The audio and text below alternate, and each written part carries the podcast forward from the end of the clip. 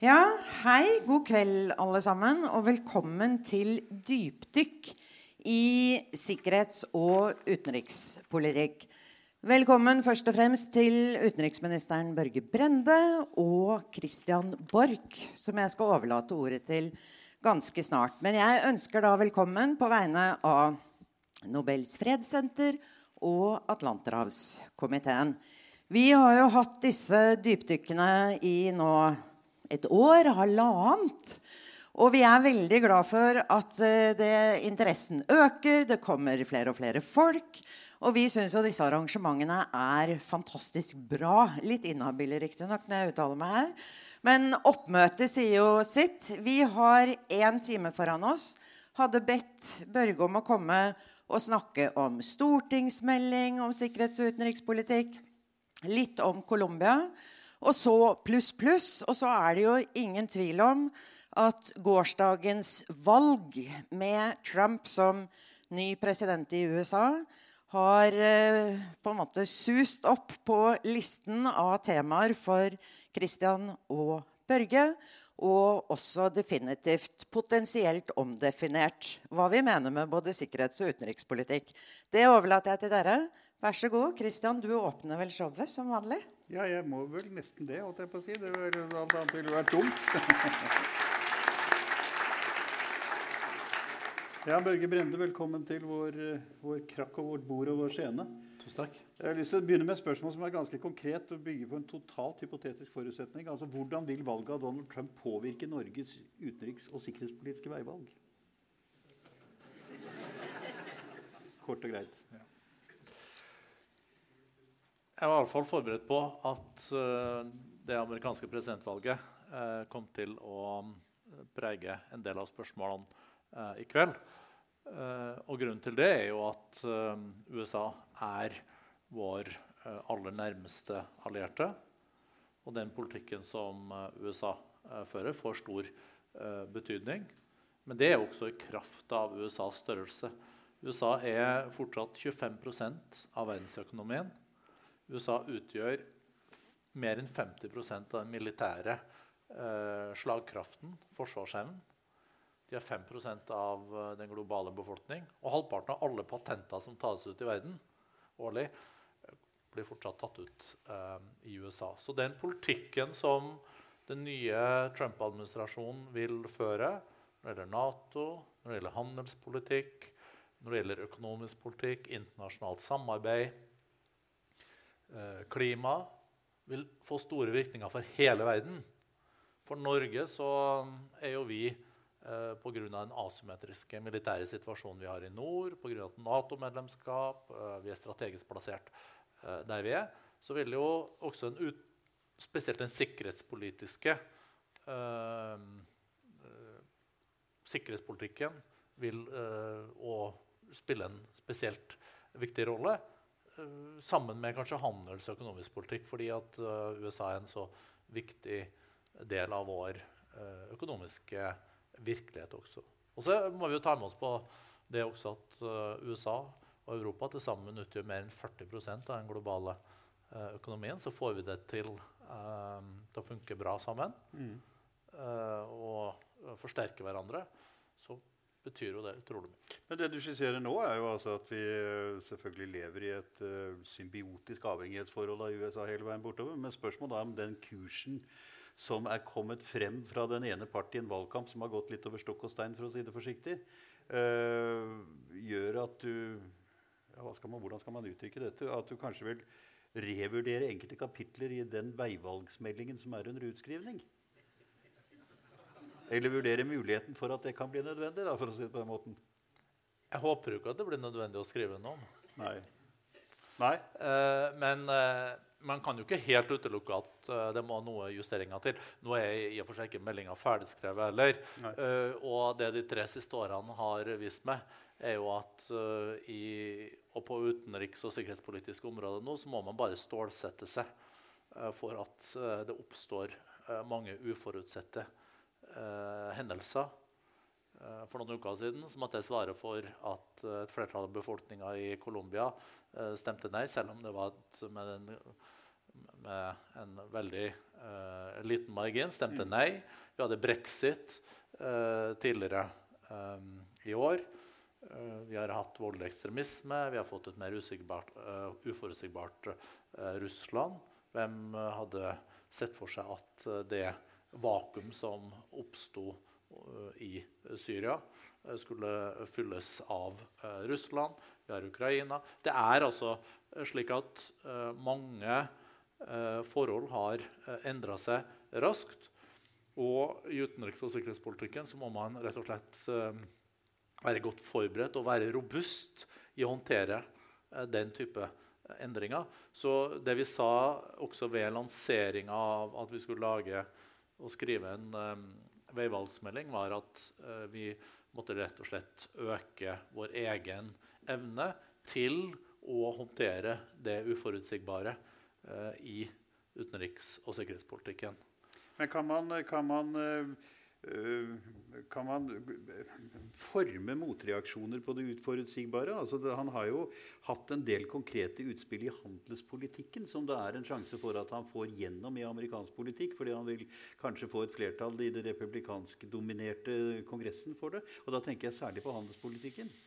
Altså Han har jo proklamert at han vil skreppe TTIP-avtalen, som er under utarbeidelse, TTP-avtalen, og han vil reforhandle NAFTA-avtalen. Hvilket altså kan bety at han Og pluss innføre nye tollsatser osv., som jo er altså da signaler om et brudd på den frihandelspolitikken som verden har forskanset seg på. Kan man møte dette på en måte? Jeg tror uh, man nå uh, må vente og se på hva som faktisk blir administrasjonspolitikk Eh, på dette området. Man eh, må skille mellom eh, hva som blir satt på spissen i en valgkamp, og hva som faktisk kommer i State of the Union-talen, og som blir fremma av Trump-administrasjonen. Det er det ene. Så er det andre hva er det man får gjennom i Kongressen, altså i Representantenes hus, og senere i Senatet. Jeg tror at det området som det kanskje kan bli eh,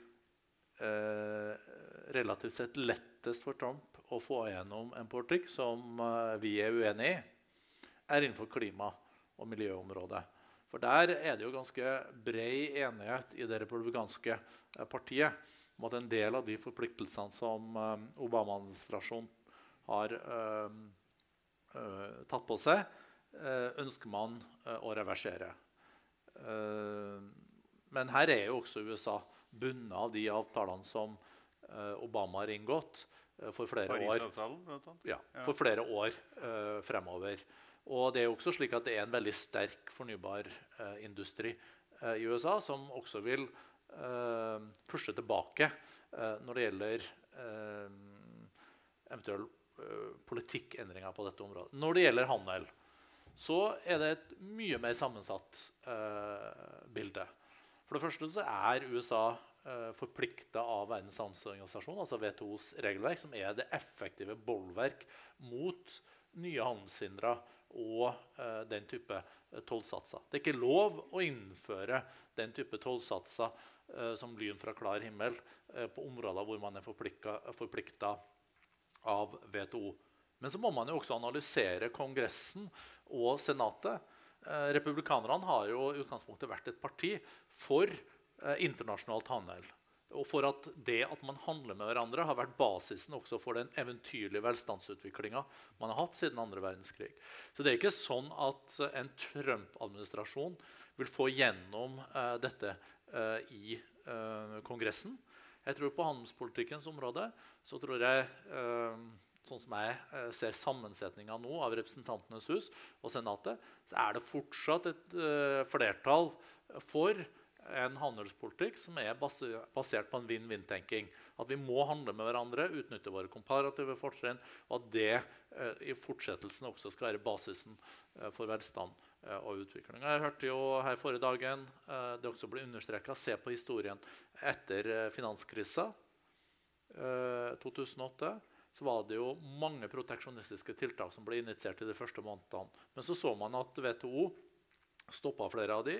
Og så var det jo en advarsel om at man måtte ikke gjenta de feilene man gjorde på 30-tallet. På 30-tallet ble det eh, gjennomført tiltak i løpet av kort tid som reduserte handelen globalt med 50% Og så eh, falt det globale BNI, verdiskapinga globalt, med 25% og så fikk man massearbeidsledighet.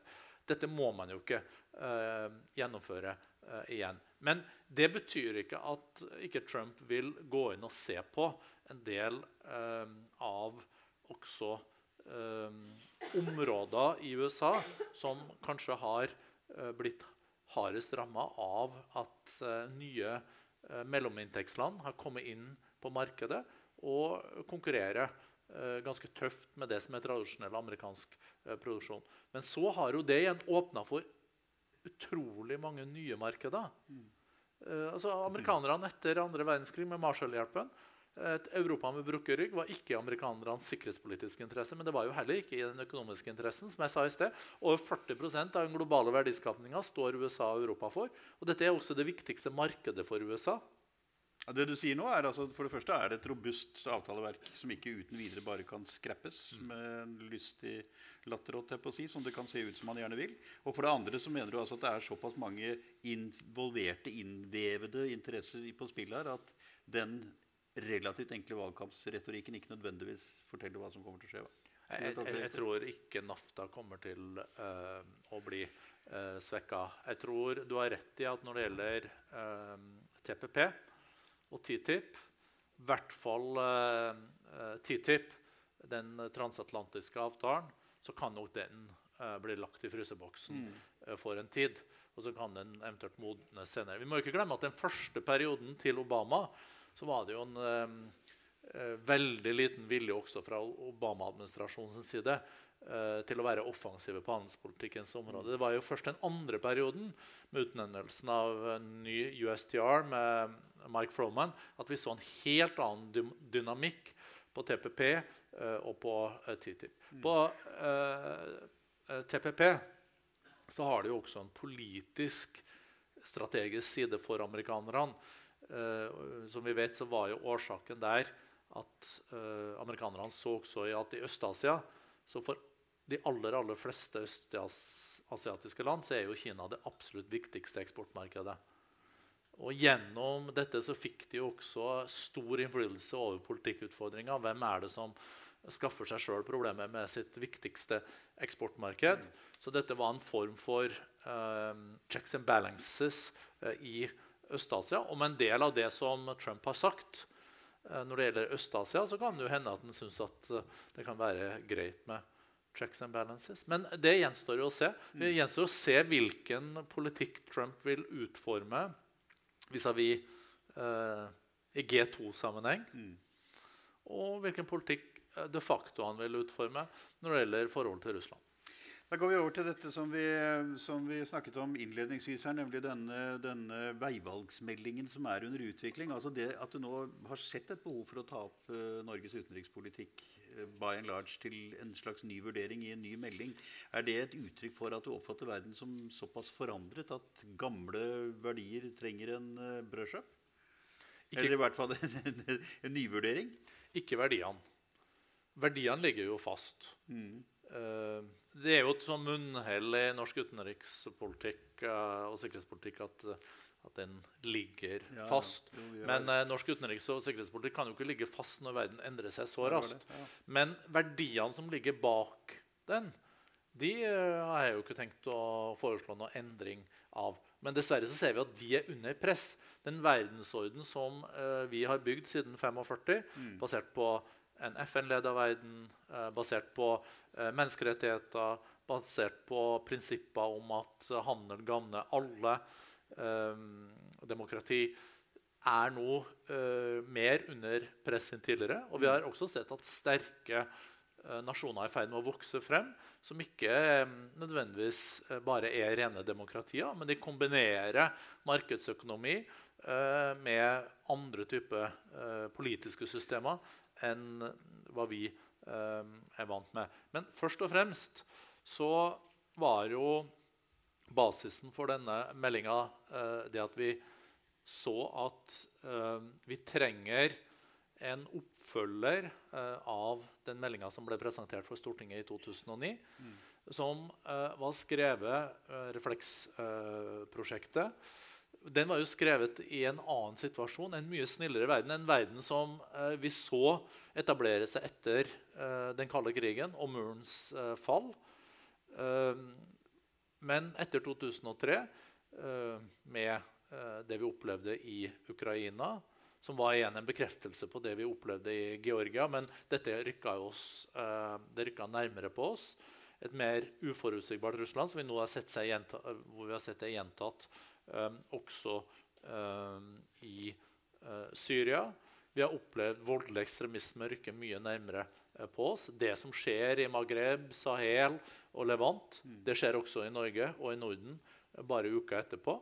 Um, vi opplever nye globale sikkerhetsutfordringer knytta til cyber. Mm. Men vi ser også dette med hybridkrigføring, altså stedfortrederkriger. det er tilbake den konvensjonelle eh, krigføring eh, eh, Den trusselen er selvsagt der også. Men det finnes mange måter å stelle i stand konflikter på, og dette må vi være eh, forberedt eh, på. Vi ser eh, migrasjon, som jeg tror bare vi har sett toppen av isfjellet knytta til. Med tanke på den demografien vi, som, som avtegner seg i mange av våre nærområder. Jeg mener at vi må beskrive dette, men så må vi også ha en politikk for å møte disse nye utfordringene. Jeg kan nevne forsøket på militærkupp i uh, Tyrkia uh, i sommer, men også uh, de skrittene som president Eidogan nå har tatt, som ikke går i riktig retning når det gjelder menneskerettigheter, demokrati ytringsfrihet i Tyrkia.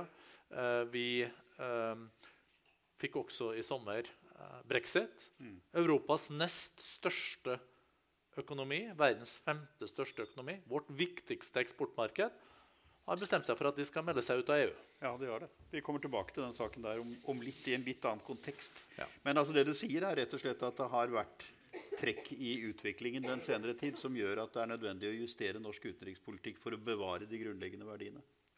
Ja. Og, absolutt. Og ha en diskusjon om de utviklingstrekkene og hvis vi skal ha innflytelse over de uh, på disse områdene, så er vi helt avhengig av å ha en uh, omforent politikk. Altså vi, vi, må ligge i forkant for å ha innflytelse. Mm. Ellers så vil vi bare dilte etter.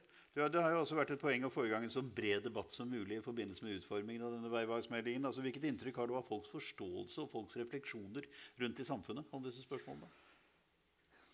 Jeg opplever det mange av mine kolleger i Utenriksdepartementet, at utenriks- og sikkerhetspolitikk har i løpet av tre år blitt innenrikspolitikk. Mm -hmm. altså, det er slik at det er nesten umulig nå å skille mellom utenriks- og innenrikspolitikk, for det som skjer ute, påvirker oss også så utrolig sterkt. Mm. Og dette er den nye realitet uh, i en globalisert verden. Vi er alle i samme båt. Vi så det med økonomiske kriser i 2008. Det tok ikke mange ukene før den innhenta Europa også. Mm. Og nå ser vi det på det utenriks- og sikkerhetspolitiske området også. Når det er krise i Egypt, og det er lav vekst i Egypt, 90 millioner mennesker, eh, så kan det også påvirke Europa ganske raskt hvis det ikke håndteres eh, riktig. Ser du at den norske befolkningen forstår dette bedre enn de gjorde i ja, 2009? var det forrige gang? Altså Er det en klarere bevissthet rundt disse spørsmålene og de kontekstene du snakker om? De sammenhengene mellom den ytre og den indre verden? Det er veldig stor interesse på de universitetene og høyskolene har vært på besøk. Og også jeg merker trykket på Utenriksdepartementet om spørsmål. Det, folk er veldig opptatt av uh, utenriks- og sikkerhetspolitikk. Og det, det er ikke lenger noe abstrakt og bare for Eh, de som sitter på NUPI og universitetet og mm. disse eh, tenketankene og Atlanterhavskomiteen eh, og, og lignende. Dette angår folk, og folk har synspunkter på det. og Derfor er det fint å også få en strukturert tilnærming til disse kan, kan, du da, kan, du da, her og nå si til alle de der ute som er engasjert og interessert har vært med i debattene på de forskjellige fora som har vært der, at deres synspunkter kommer inn? At de er en del av prosessen? Det var et litt ledende spørsmål. Det ville vært interessant hvis du svarer nei. Det også ville ha vært interessant hvis jeg svarte ja. ubetinget hadde ikke det. Altså, at synspunktene deres kommer inn i meldinga, Altså, det, det, kan jeg ikke love. Nei, det har jeg ikke sagt. Jeg sier, mener inn i arbeidet med ja, inn i altså. arbeidet. Nei, det, det var en sånn fin politikerformulering at det kan jeg si ja til. Ja, det var det jeg tenkte meg. Du har jo, du har jo det, var, det var i hvert fall et ledende spørsmål, for å si det sånn. Du har jo, du har jo bekledd dette embetet noen år nå. Hva er det du har utrettet som du er mest stolt av? Jeg er jeg- Jeg tror vi kan eh, absolutt være bekjent av eh, hvordan eh, vi har styrt Norge og norsk utenriks- og sikkerhetspolitikk med en stø hånd i et mye vanskeligere landskap enn på lang tid. Vi har også greid å bevare enighet om hovedlinjene i den politikken som vi har lagt. Tverrpolitisk, mener du?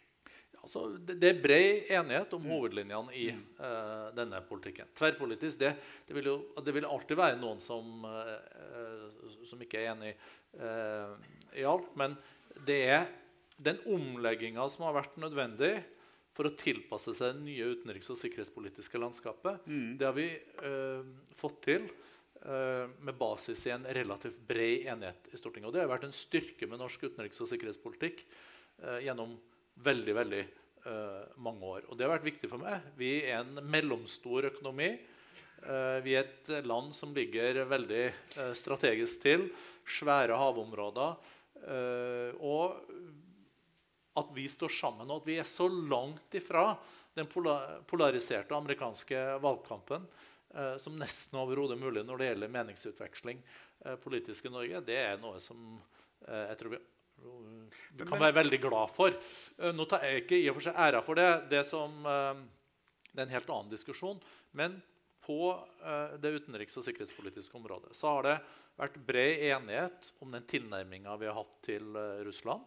Russland vil alltid være en, eh, en permanent faktor eh, i vår eh, sikkerhetspolitikk og utenrikspolitikk.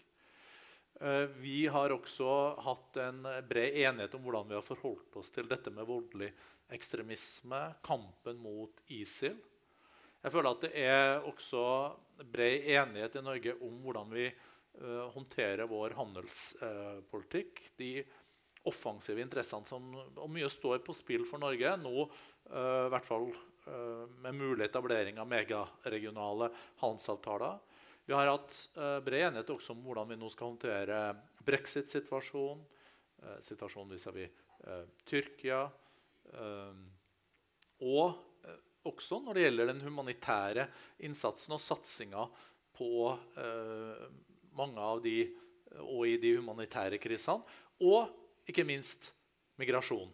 Men, men bred enighet, altså er det bred enighet i Norge og en tilpasning til noe som har vært en generelt bred enighet blant våre allierte i disse spørsmålene? Altså Er Norge liksom justert seg inn mot en internasjonal reaksjon fra, fra si, den alliansetilknytningen vi har?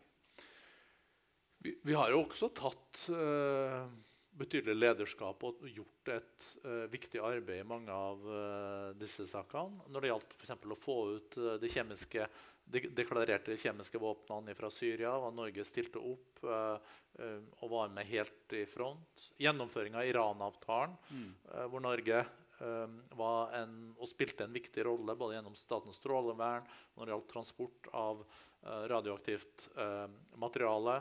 Når det gjelder det arktiske arbeidet under USAs formannskapsperiode i Arktisk råd, så har jeg jobba veldig tett med John Kerry. og Vi spilte en viktig rolle i forbindelse med den eh, konferansen som Obama hadde om arktiske spørsmål um, i Canada. Når det gjelder utforminga av politikken som en reaksjon på Russlands folkerettsbrudd i Krim, og gjennom destabiliseringa av Donbass, så har vi også greid å bevare bred enighet i Norge om at hvis en nasjon i det 21. århundre tar en bit av et annet land og eklatant ikke forholder seg til landets eh, grenser Og internasjonal lov. og internasjonal lov, så må det føre til en reaksjon. Tenk deg hvis vi hadde sagt at nei, ø, dette skulle ikke føre til noen som helst ø, reaksjon. Vi var der og var klar på at det var riktig å gjennomføre disse sanksjonene. Og i motsetning til en del andre land så har vi greid å bevare en bred enighet. Der har vi en bred enighet, nesten tverrpolitisk eh, enighet i Norge om denne politikken. Eh, og det er jo en, eh, det er en veldig styrke. Det er også bred enighet i kampen mot voldelig ekstremisme. Engasjementet i kampen mot ISIL. Vår statsminister tok initiativet til den store globale giverlandskonferansen for Syria. Aldri har det blitt samla inn så mye penger på én dag i FN-regi, som det ble gjort i London i februar i år. 12 milliarder amerikanske dollar til Syria og nabolandene. Et norsk eh, initiativ. Så vi har utnytta de handlingsrommene eh, som eh, har vært der. Vi var og tok et veldig raskt lederskap i kampen mot eh, ebola, eh, hvor Norge eh, Norges fotavtrykk eh, var klart. Vi har jobba mye med fred- og forsoningsarbeid internasjonalt og fått frem at det å stoppe en krig eller forhindre en krig, det er den beste investeringa du kan ja, gjøre. Altså, og så har du Colombia-saken, ja, som vi sikkert kommer tilbake til. Jeg ventet og ventet og ventet på at du skulle si det, men at du ikke gjorde det, så vil jeg gjerne spørre deg om det. Altså, hvor står den i, i dette registeret av uh, effektive tiltak? Det er jo den uh, lengstvarende væpna konflikten i Latin-Amerika. Pågått i 52 år. 300 000 mennesker bortimot er drept. 7 millioner er internt fordrevne.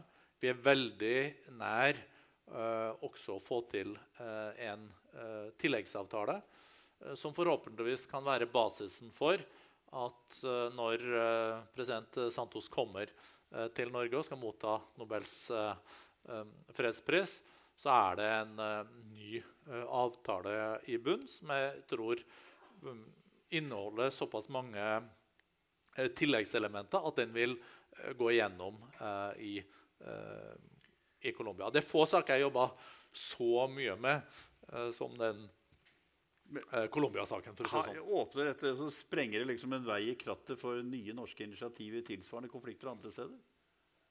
Det er jo ikke første gang vi gjør akkurat dette, men det er altså noe med sant, nærheten i tid og ja og omfanget av den konflikten som da er, har funnet sin avtalemessige løsning?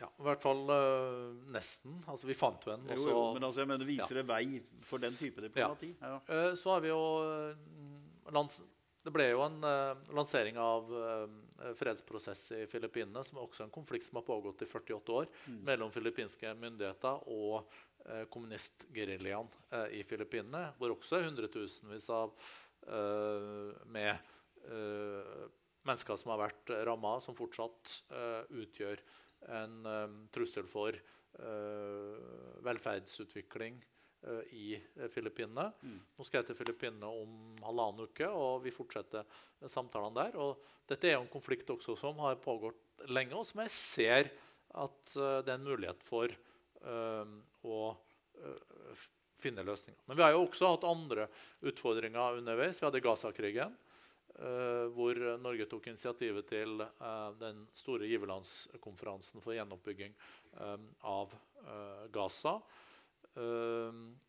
hele Midtøsten-problemstillinga mellom Israel og Palestina har jo kanskje forsvunnet litt fra radaren pga. den humanitære katastrofen vi opplever nå i Syria, flyktningkrisen, asylsøkerkrisen. Men dette er jo noe vi jobber med fortløpende også. Til de nære og litt mer pragmatiske ting. altså EØS-avtalen har jo i manges øyne gjort Norge til EUs lydigste medlem. I den forstand at vi da godtar de fleste av de direktivene som vedtas i EU, og fras, avstår fra retten til å diskutere dem på forhånd. Um, altså Dette er satt litt på spissen, antagelig. Det er mulig at du ikke er helt enig i den måten å si det på. Det kan du få si. Men hva, hva er ellers din kommentar til vårt forhold til Europa på den måten vi har valgt å gjøre det?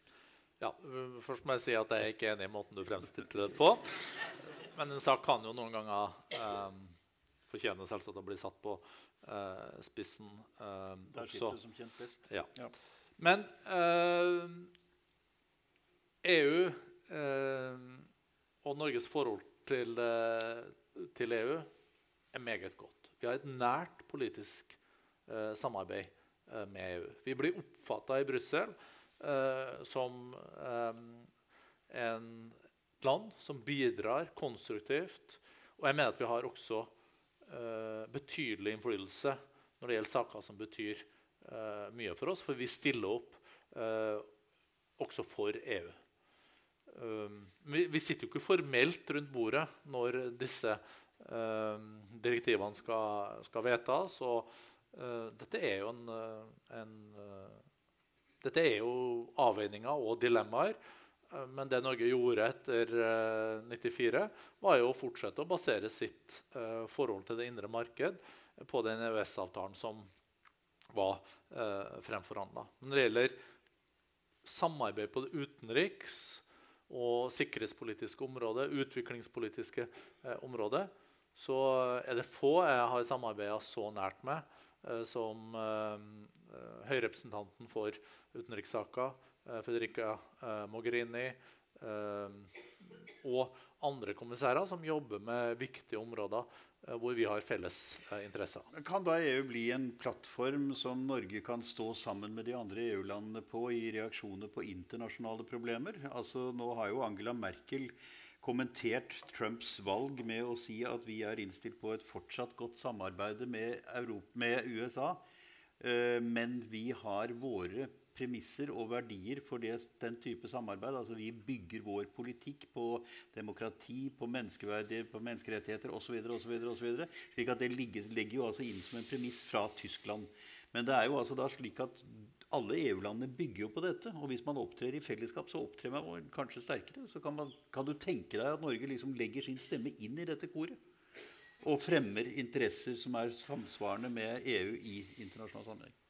Det har vi gjort i mange år. Eh, og, det vil vi fortsette å, gjøre. Jeg mener jo at USA tilhører den kategorien også.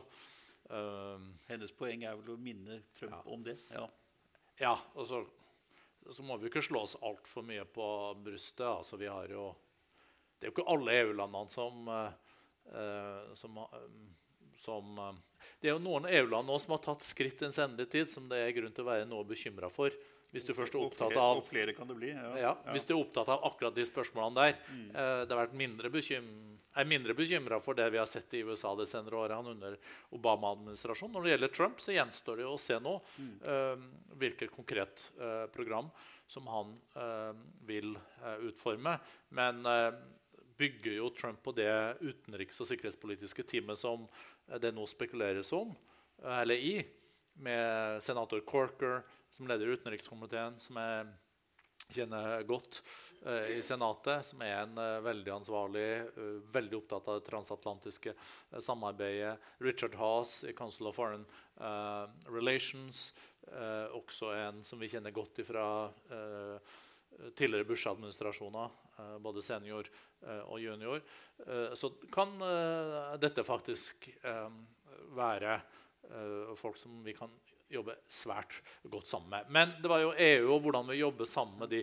Vi ser mange spørsmål både i Menneskerettighetsrådet, eh, i FN, når det gjelder bærekraftsmålene, når det gjelder migrasjon, ikke minst. Hvis ikke EU lykkes i å håndtere migrasjonsspørsmålet, ikke lykkes som Schengen, så vil vi ha akkurat de samme uh, utfordringene. Hvis ikke EU lykkes i å øke sin egen konkurransekraft uh, og få vekst i EU-området, eh, e så vil jo det også eh, ramme oss. EU er vårt viktigste marked.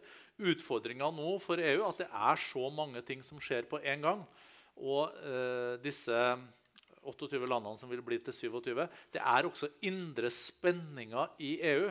De ser ulikt på en god del spørsmål. Både på migrasjon, på økonomisk politikk, på forholdet til uh, Russland. Men jeg må si at jeg er jo imponert over tid og hvordan EU greier, selv med de spenningene, å sy sammen en felles politikk og stå sammen. Så Det viser jo at behovet for en europeisk union nå i Europa, uh, og med de uh, krevende oppgavene vi står overfor, er større enn på lenge. Mm. En utfordring nå vil jo være at noen av de beste hodene i Brussel i kanskje flere år fremover vil drive og jobbe med brexit-spørsmålet. Og det samme i Storbritannia. Dette burde jo vært folk som eh, i utgangspunktet hadde jobba med helt andre spørsmål.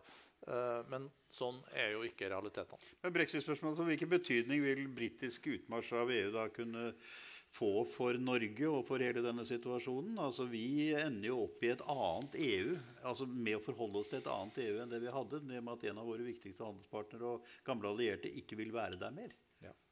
Nei, har, du har rett i det. Ja, Hva skal vi gjøre med britene? Hva vil du gjøre med Altså, Én ting er de gode hoder i Brussel, men hva med de gode hoder på Victoria terrasse? Hva vil de si om vårt forhold til, til Storbritannia etter dette? At uh, det skal fortsette å være nært uh, og godt. Uh, jeg var i London for noen uker siden og møtte med Boris Johnson. og har snakka med han mange ganger etter at det, han ble utenriksminister. og Storbritannia er jo vårt viktigste eksportmarked. Ja. Norges viktigste eksportmarked. Så det å finne gode løsninger eh, også for Norge i det øyeblikk eh, Storbritannia trer ut av EØS, er avgjørende. Mm. Og Derfor så har vi jo innleda gode samtaler med de som jobber med disse spørsmålene i Storbritannia. Og jeg tror de også ser nytten av eh, å finne gode løsninger. Hva hvis britene bestemmer seg for å gå tilbake til EFTA? Hva med da med Norges konkurransesituasjon? Det vil jo bli en ja, dominerende kraft.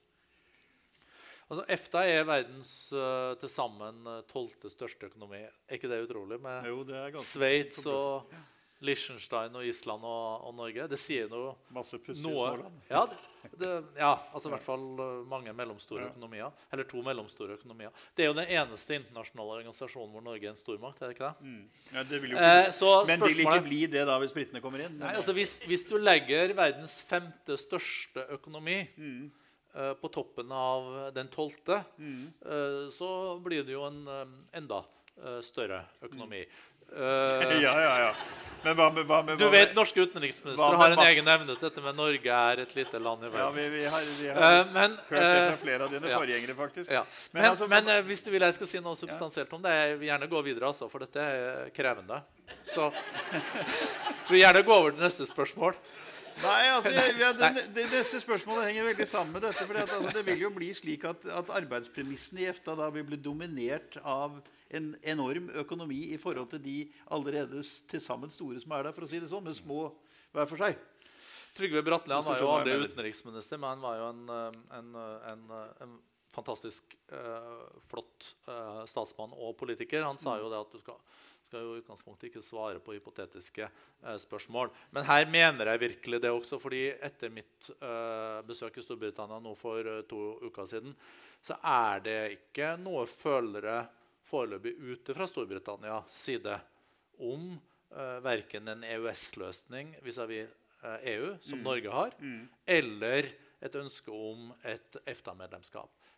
Skulle det komme eh, et, eh, en forespørsel fra London om et EFTA-medlemskap i fremtida, så må vi jo behandle det veldig veldig seriøst. Og Det vil ha også sine fordeler, og det vil ha sine ulemper. Men, men, dette, vi, dette, er jo en av våre aller næreste allierte. Vårt viktigste eksportmarked. Så jeg vil eh, Jeg legger stor vekt på å ha et nært eh, forhold til eh, Storbritannia eh, også i tida fremover. Det som er dilemmaet nå eh, i Europa, er jo at noen ønsker at Storbritannia skal straffes for at folket bestemte seg for at de skulle forlate EU. og Derfor så blir det vel, ønsker man skal være tøffe krav i de eh, forhandlingene eh, i henhold til artikkel 50 eh, og i det handelsregimet som skal være. Og så er det de som ønsker eh, også en softere tilnærming. Fordi eh, Europa har ikke eh, anledning til den type spenninger mellom Europas nest største økonomi og resten av Europa. Vi, vi, er alle i samme båt. Men så kan vi ikke legge skjul på at hvis et land trer ut av EU og, ikke, og, og ønsker å ikke være en del av alle disse fire frihetene, f.eks. ikke være en del av det felles um, friheten av altså bevegelse av, uh, av personer, mm. uh, og ikke ønsker å forholde seg til alle de direktivene, som f.eks. adresserer miljø, sosiale standarder og sånt, skal de ha full tilgang på det samme markedet uten å ha eh, de eh, samme standardene. Det reiser jo en del andre problemstillinger som jeg kan godt forstå at eh, mange av EUs medlemsland er bekymra for. Så det er ekstremt eh, komplisert. Og så må jo Storbritannia nå i løpet av ganske få år etablere frihandelsavtaler eh, med titalls land som EU har etablert eh, frihandelsavtaler med. Og Der har jo EFTA vært den eh, organisasjonen vi har brukt eh, stort sett til å etablere disse eh, frihandelsavtalene. Så vi har jo et sett av med fremtidsretta og gode frihandelsavtaler eh, gjennom EFTA. Nå vil altså EU åpenbart styrke sitt sikkerhets- og forsvarspolitiske samarbeid. Det er tatt betydelig initiativ for det i løpet av de siste månedene. Og det er vel også litt i påvente av hva som skulle komme fra Washington. For det var klart at både Trump og Hillary Clinton vil vel gå sterkere inn for dette med byrdefordelingen. En bedre, mer balansert byrdefordeling i Nato. Hvis det nå kommer opp i den situasjonen, og det er i ferd med å gjøre det, så ordet 'hvis' er i grunnen litt feilplassert i den sammenheng, ser du da for deg et tettere bilateralt samarbeid mellom Norge og Storbritannia sikkerhetspolitisk? I og med at vi ligger der vi er og har de erfaringene vi har osv. For britene vil jo altså ikke være med i den europeiske konstellasjonen. da. Var dette en komplisert tanke? Det var Det mange altså, det premisser i det Altså, spørsmålet. jeg hørte meg selv si det, så lød det mye vanskeligere enn jeg tenkte det før jeg sa det. for å si Ja. det sånn, Men hvis du Men ting er- likevel... Nei, men altså, det, Vi lever i en komplisert verden, Ja, så vi må, vi, må, vi må forholde oss til ganske kompliserte ligninger også på Victoria Teresse noen gang. Uh, men la meg prøve å rydde litt i den ligninga først. da. Vær så god, vær så god, ja. Eh, så uh, Det som blir viktig, er at uh, EU ikke bygger overlappende kapasiteter med Nato. Mm. Og det har de eh, sagt at de ikke skal gjøre. Hvis de er komplementære, så er det uproblematisk. Si at EU bygger opp en eh, sterkere kapasitet når det gjelder cyber eh, security. Det kan være én mulighet. Eh, det kan også være andre områder hvor EU ønsker eh, å gå inn eh, og etablere kapasiteter som vil være komplementære. Men det som vil være uheldig, det er hvis EU skulle, og det ser jeg ikke som eh, spesielt aktuelt at kommer til å skje, bygge opp noe i konkurranse med Nato. Det vil jo være å, å svekke oss sjøl. og så er det jo et paradoks at Nato også ikke har de ressursene de trenger på flere av de uh, områdene hvor det er viktig at de er sterke, kommandosenteret sitt og, og lignende. Så hvis EU-land føler at de har ekstra mye kapasitet, så kan jo det også gå med uh, til å styrke eh, Nato. Men det jeg tror er vesentlig, det er at i Europa så har det vokst frem en erkjennelse av at vi ikke bare skal ta større ansvar for vår egen sikkerhet fordi at amerikanerne krever det av oss og sier at det er en byrdefordeling. Altså USA har ansvaret for mer enn 70% av Natos budsjett. Eh, det kan jeg godt forstå at de uh, syns er en for stor andel. Men det er jo flere republikanere også som står Trump nært og sagt at det er ikke bare det økonomiske som skal telle her. Vi må se det litt bredere, og vi må bruke god tid. Men jeg tror de mener at det er Europas egeninteresse å kunne ha kapasitet til å ta større ansvar for vår egen sikkerhet. Vi må også innse at når det gjelder en del av de viktige sikkerhetspolitiske spørsmålene nye sikkerhetstruslene i Europa står øh, overfor, så opplever vi de mye nærmere og mer på kroppen enn hva USA gjør. Det er et atlanterhav mellom USA og ISIL. Det er et atlanterhav mellom USA og de migrasjonsutfordringene som vi kommer til Det- det, det. Uh, å stå uh, overfor. Så det, vi må ut ifra vår egeninteresse skaffe oss et enda mer effektivt suverenitetsvern i årene fremover. Og Europa må bygge sterkere kapasitet for å eh, kunne eh, besvare også de nye sikkerhetsutfordringene Men når eh, du som vi bruker, opplever. bruker ordet 'vi' nå, så snakker du om Europa. Ikke sant? Absolutt. Men mitt, poenget med mitt spørsmål er at dynamikken i den utviklingen vil ligge i EU. Og der er ikke Norge. Nei, også, men så, så øh, tok du jo sjøl opp i denne ligninga, som eh, jeg ikke eh, kom til ennå. Det var jo Storbritannia-spørsmålet. Ja, Eh, Storbritannia er Europas nest største økonomi, men det er jo helt klart Europas absolutt sterkeste militære makt. Og det er jo Frankrike som er nummer to. Så det at eh, Storbritannia nå vil være som oss, med at vi har Nato-medlemskap og ikke EU-medlemskap, bidrar jo til uh, at koordinering gjennom Nato uh, blir enda viktigere, og god koordinering mellom EU og Nato. Da, da, svarer du på det ene av de spørsmålene som jeg rotet litt bort i min merkelige kontekst her, altså nemlig det der med at det skaper en annen sikkerhetspolitisk samarbeidsform, på en måte. At du får en ja, At Storbritannia går ut av den europeiske dynamikken? Det, det, kan nok endre diskusjonen noe i EU. Mm. Fordi at Storbritannia uh, var veldig klare på uh, dette med uh, at de skulle være komplementære, og var jo en, en, garantist for at Nato kom først i forsvarspolitiske spørsmål. Mm. Men det er også mange som er som Storbritannia hjem i EU. Ta de baltiske landene. De har ikke noe ønske om at det skal skapes usikkerhet der. Uh, eller at, det, uh, at, det, at, dette skal være komplementært, og at Natos tydelige rolle. Så gjelder det hvordan vil Storbritannia opptre på utsida av EU e mm. i det spørsmålet, men som Nato-land, og hvilke følger vil det få? Jeg tror ikke det vil, ikke det vil bety eh, så veldig mye på det, eh, på det, forsvarspolitiske området. Men kanskje vil man se for seg nye måter å koordinere seg på innenfor det utenriks- og sikkerhetspolitiske feltet i EU. Mm. At man vil måtte ta inn Storbritannia som ikke-medlem mm. noe nærmere. Og der kan jo vi også kanskje følge sånn forsiktig med i, på den uh, men vi legger vel, altså, vi legger vel i kraft av vår geopolitiske posisjon inn et argument i diskusjonen her. Altså, vi ligger med nær proximity til Russland, som har begynt å rasle med sablene på en helt ny måte enn før.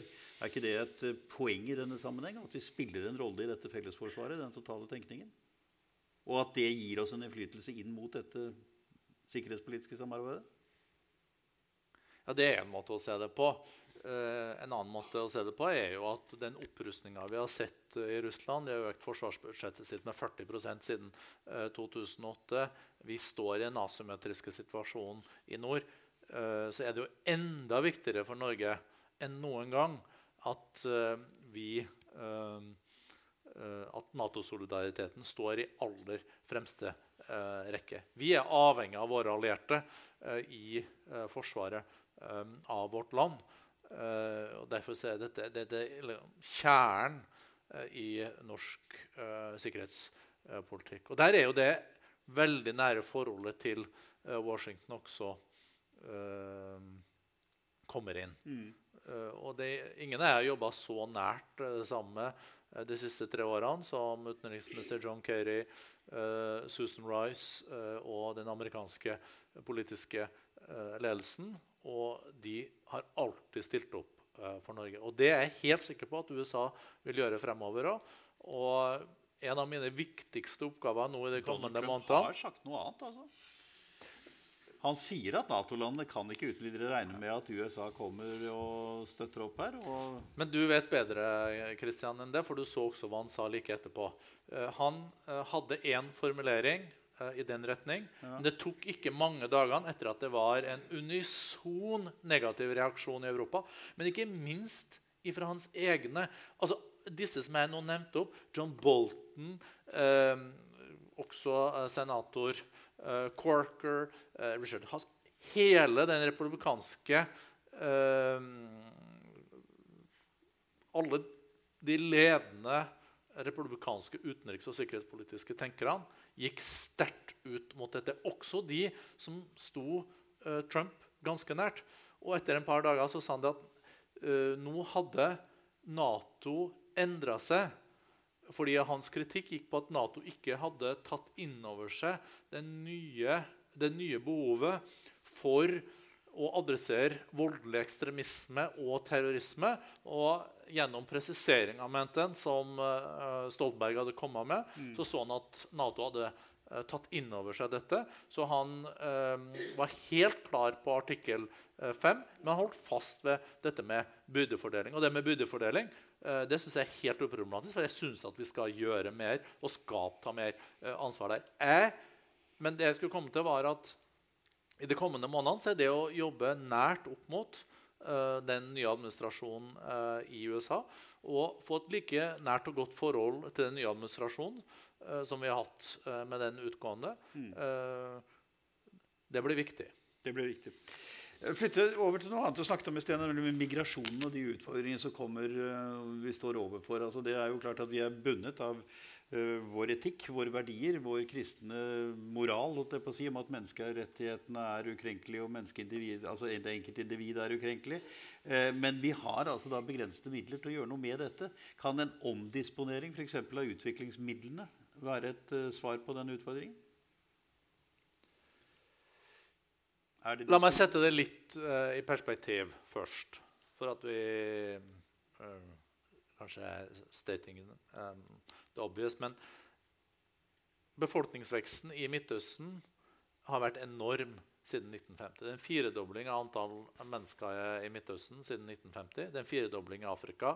Afrika kommer til å gå til 2 milliarder innen 2050. I dag er det 1,2-1,3 milliarder. I mange afrikanske land så er det mer enn 21, altså er mer enn 50% av befolkninga under 21 år. Det sier noe om det enorme behovet for både utdanning, eh, jobbmuligheter, eh, yrkesopplæring eh, fremover. Og her har vi et ansvar uavhengig av migrasjonsbiten. Her må vi stille opp. Så viser det seg at i eh, følge Verdensbanken så vil eh, 50% av de ekstremt fattige i verden vil i 2030 befinne seg i land som er i sårbare situasjoner. Mm. Dvs. Si Niger, eh, det vil si Burkina, Mali, Sudan, Sør-Sudan Alle disse landene. Mm. Så det overordna i norsk utviklingspolitikk har vært å nå har vært fattigdomsorienteringa. Og jeg mener at det også tikka av på boksen med fattigdomsorientering å stille opp for de landene eh, som er en betydelig utfordring for oss når det gjelder eh, migrasjon. Så er det noen som eh, sier at eh, norsk utviklingshjelp skal ikke ha noe med egeninteresser å gjøre. Dette skal være helt uavhengig. Mm. Eh, men jeg syns jo ikke at men, men, indirekte så vil jo uh, jeg, jeg, mener at all bistand som bidrar til at folk får det bedre altså Du har det humanitære imperativ, at du skal også bidra til, uh, til dette, som jeg, jeg tror ligger uh, mange av oss, altså mange av oss ønsker. Men det vil jo alltid ha den sideeffekten at når folk får det bedre, så er det mindre fare for krig, konflikt, hvis land utvikler seg, så vil det bli en del av den globale økonomien. og det vil også være en fordel eh, for oss. Så vil det være en del av den støtten til de sårbare statene, som også vil være med på å ta av noe av trykket uh, fra migrasjon. Og Det sier seg selv at når Afrika går i retning av å ha to milliarder innbyggere, så greier vi ikke å løse det gjennom at gjennom økonomisk eh, migrasjon til Europa. Vi så jo hva som skjedde eh, i 2015, eh, da det kom 1,2 millioner til Europa, og hva det eh, bidro til av politiske, eh, politiske rystelser. Men, men, er det altså ensbetydende med at du ikke vil foreta en omlegging? Ikke en omjustering av måten å bruke de pengene på? På bistand? Ja. Altså, jeg har jo varsla at vi skal komme med eh, en eh, egen eh, sak eh, når, om plan eh, for arbeidet inn mot eh, stater i sårbare situasjoner. Men det er jo også fordi at der vil mange av de aller fattigste i verden være. De vil være i stater i sårbare situasjoner fremover. Allerede så er jo norsk eh, bistand prega av de enorme humanitære katastrofene. Altså når eh, man i eh, Syria er i en situasjon hvor 12 millioner syrere hver dag har behov for humanitær hjelp. Mm. Vi vet at de mangler alt. Medisiner, mat, rent drikkevann. Dette kan vi ikke sitte og se på. Derfor tok vi initiativet til den store Syria-konferansen også. Norge er en av de største humanitære giverne til Syria og nabolandene. Mm. Det var vi ikke for tre år siden. Mm. Men det Syria-konflikten også har vist oss, det er jo at altså, dette var et mellominntektsland mm. i 2011. Syria. Det var et land selvsagt med sine svakheter, men det var et land som mottok flyktninger og asylsøkere som søkte tilflukt i regionen. Kvinners rettigheter var sterkere i Syria enn i mange av uh, de andre uh, nabolandene. Så det, dette viser at det er viktig å investere i fred og forsoning.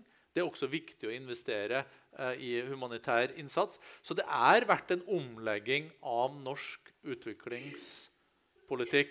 Men den har mange eh, fasetter. Hvis jeg skal ta helt kort versjon, så har vi gått ifra da jeg overtok, så var det 6400 avtaler hvert år.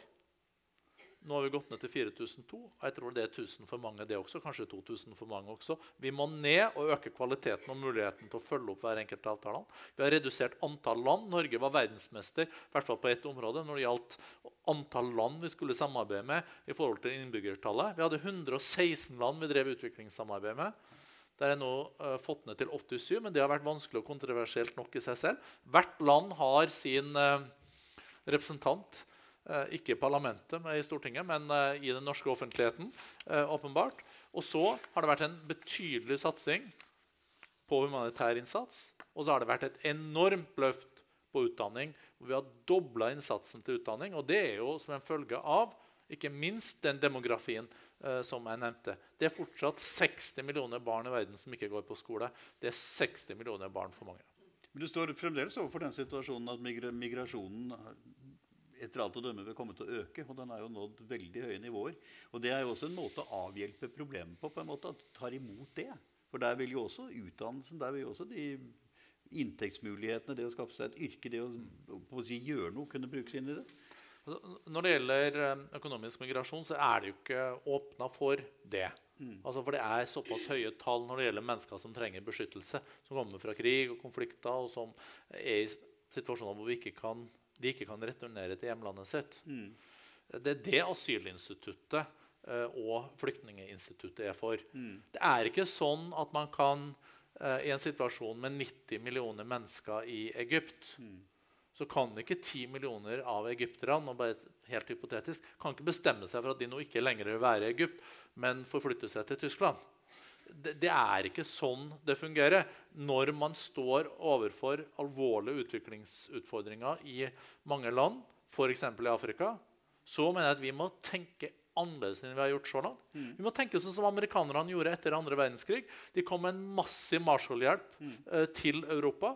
Og uh, det som er utfordringa, er at Europa må lansere nå massiv Marshall-bistand til disse områdene hvis vi ikke ønsker å ende opp uh, i den type situasjoner vi har sett i Middelhavet um, det siste året. Men det skjer også i en situasjon hvor mange europeiske land fortsatt ikke har kommet seg ut av den økonomiske krisa fra 2008 og selv har ganske stor arbeidsledighet.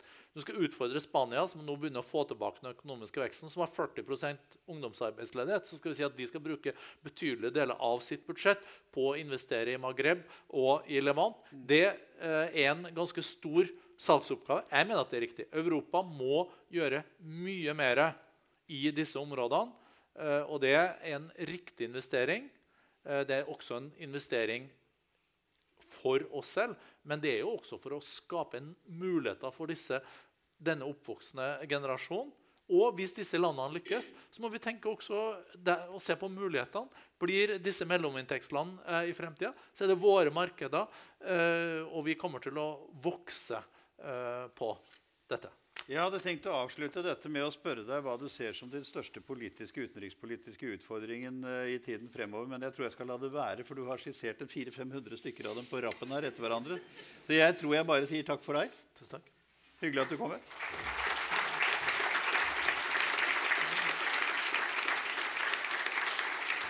Tusen, uh, tusen, hjertelig takk til de to herrer at du ville tilbringe kvelden her sammen med oss, uh, BND. Eh, og dere har jo rukket innom eh, de fleste utfordringer i hva debattredaktørene i VG kalte det dummeste året i moderne tid, 2016. Han mente for øvrig at alt gikk til helvete da David Bowie døde. Men Dere har ikke vært innom han, Ja. men jeg syns vi har fått eh, snakket om en god del av de eh, utfordringene vi står oppi, og du blir i hvert fall ikke arbeidsledig. Her en bok eh, fra oss eh, to som eh, arrangerer dette. 'Great Speeches That Changed the World'. Kanskje det er noe å lære der. Og så skal du få noen eh, fredspriser i uh, sjokoladeform. Wow. Og en klem av meg.